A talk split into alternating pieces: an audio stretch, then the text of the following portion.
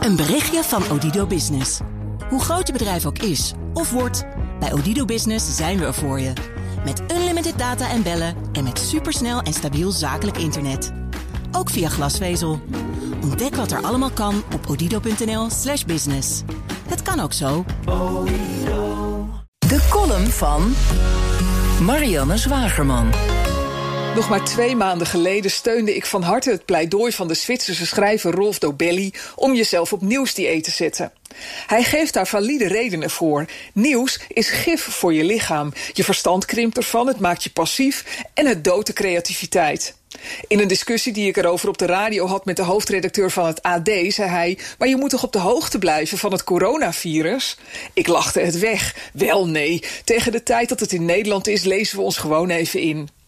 Dat kantelpunt zijn we voorbij. De bezoekcijfers van de nieuwssites gaan door het dak. BNR maakt de ene na de andere ingelaste uitzending, zelfs op zondag als het moet.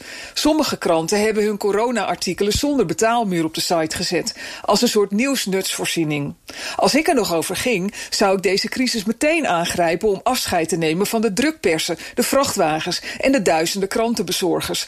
Al die onnodige vervoersbewegingen in deze tijd. Wij van de media hebben een vitaal beroep. Maar horen de krantenbezorgers daar ook nog bij? We houden onze kinderen thuis, maar de krant viert nog altijd feest alsof het 1999 is. En kleppert door het hele land de brievenbus binnen.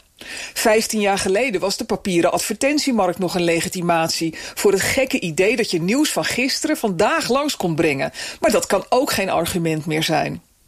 De kranten speelden na het Kamerdebat van donderdagnacht een belangrijke rol in het opvoeren van de maatschappelijke druk om harder in te grijpen dan Rutte wilde.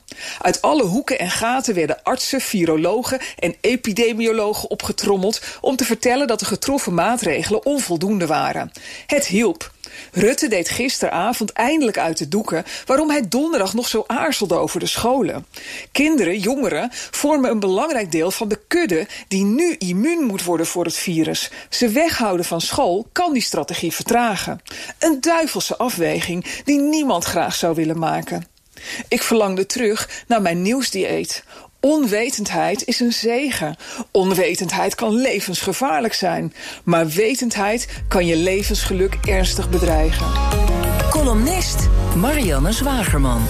Terugluisteren? Ga naar bnr.nl of de BNR-app. En daar vindt u ook alle podcasts. Een berichtje van Odido Business. Hoe groot je bedrijf ook is of wordt, bij Odido Business zijn we er voor je. Met unlimited data en bellen en met supersnel en stabiel zakelijk internet. Ook via glasvezel. Ontdek wat er allemaal kan op odido.nl/slash business. Het kan ook zo.